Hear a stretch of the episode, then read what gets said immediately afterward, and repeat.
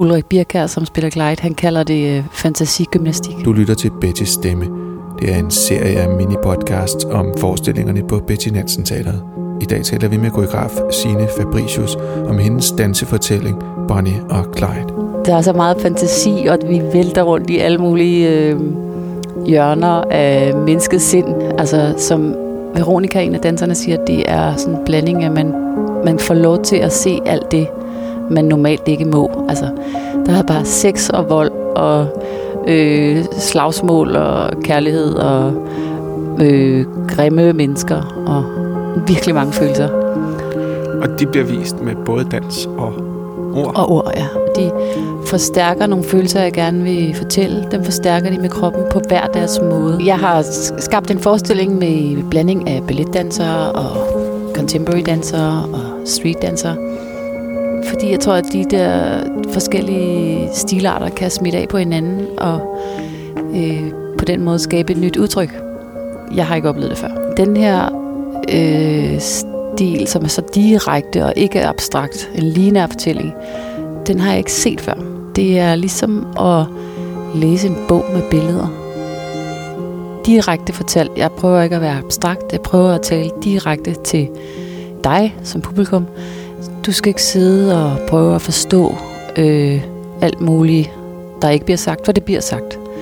Øh, og der tror jeg på den måde, vi prøver at holde folk i hånden hele vejen, uden at være at tale ned til dem, eller være pædagoger, fordi det er ikke mit ærne. Men øh, jeg elsker selv, når jeg sætter mig, og så får jeg ligesom, så skal jeg ikke sidde og regne noget ud. At jeg bare ligesom kan mærke det, og opleve det, uden at jeg skal sidde på en eller andet filosofisk plan og forstå det. Bagefter kan jeg så blive filosofisk over det, jeg har set. Men der er ligesom i Bonneville-balletten, faktisk kan jeg godt lide nogle gange, at jeg forstår direkte, hvad det er, de siger. Klassisk ballet forestilling.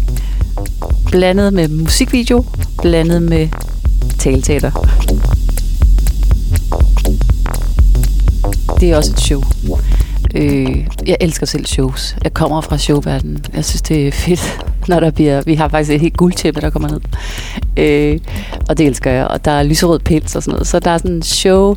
Øh, og så er der... Ja, så er der fortælling med kroppe. Hvordan har det været at få danserne til at tale? Der er nogen, der har været mere generet end andre, vil jeg sige. Så låser de et eller andet mærkeligt sted i kroppen, eller begynder at stå og stampe med foden, eller selvom de ikke kan mærke det selv, så kan jeg se på dem, at et eller andet sted i kroppen begynder de at låse, fordi de har en barriere, de lige skal over. Fordi normalt siger danserne jo ikke et muk. Og lige pludselig beder dem om at råbe og skrige og tale lavt og sægte og fortælle og udtrykke sig der. Og det, kan, det er der nogen, der har haft svært ved. Er det alle danserne, der har ord? Ja, faktisk siger alle noget. Altså, der er en, der taler italiensk, øh, fordi hun er fra Italien, Veronica. Øh, så det er ikke sikkert, at alle forstår, hvad hun siger, men man er helt med på, hvad der hun prøver at kommunikere. Og denne her historie, Bonnie og Clyde, dem der ikke kender den, hvad handler den om? Det var et berømt gangsterpar.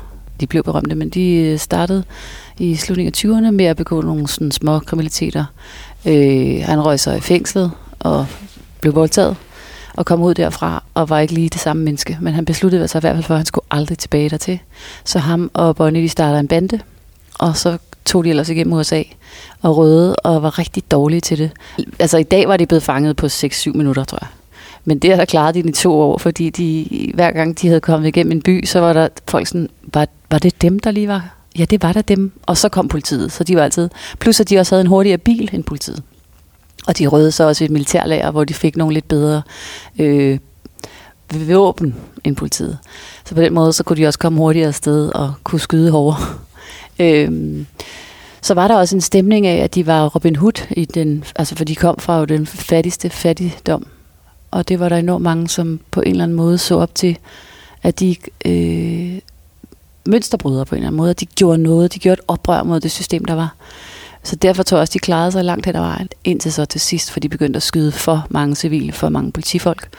Og så endte det med, at øh, fælden klappede, og de kom i baghold. Man kan ikke forsvare mordere. Øh, de skal i fængsel, og de skal straffes. Og øh, jeg tror også, at Bonnie og Clyde skulle stoppes, for de var bare blevet ved, tror jeg. Der, der var ikke nogen anden vej. End, altså, de, man kunne have anholdt dem og lavet en retssag og spadet dem inden for livstid.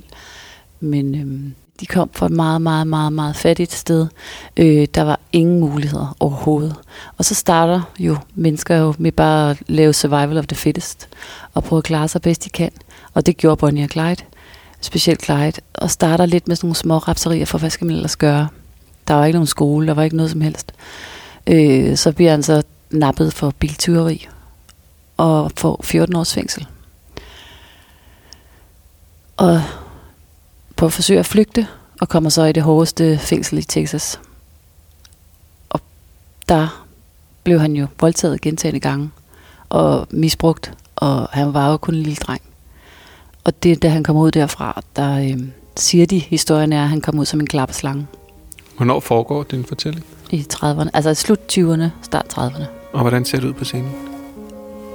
Der er en kæmpe sol, som også ligner øh, mundingen på et gevær. Løb hedder det. Sådan enden af gevær. Men skal man ind og se en historisk fortælling? Nej, det skal man ikke. Jeg tror, jeg vil tænke den som tidløs. For den her historie kunne også foregå i dag.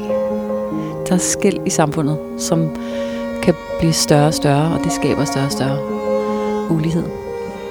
Det er både vigtigt for mig at fortælle, fordi hvis jeg ikke, øh, jeg kan mærke, at jeg, jeg kan slet ikke ikke fortælle. Altså, det er en trang helt nede fra sokkerholderne. Øhm, så både at se dans og øh, opleve en fortælling, kan man sige sådan. At, at det er lige vigtigt for mig. Der er ikke noget, der vejer mere eller mindre.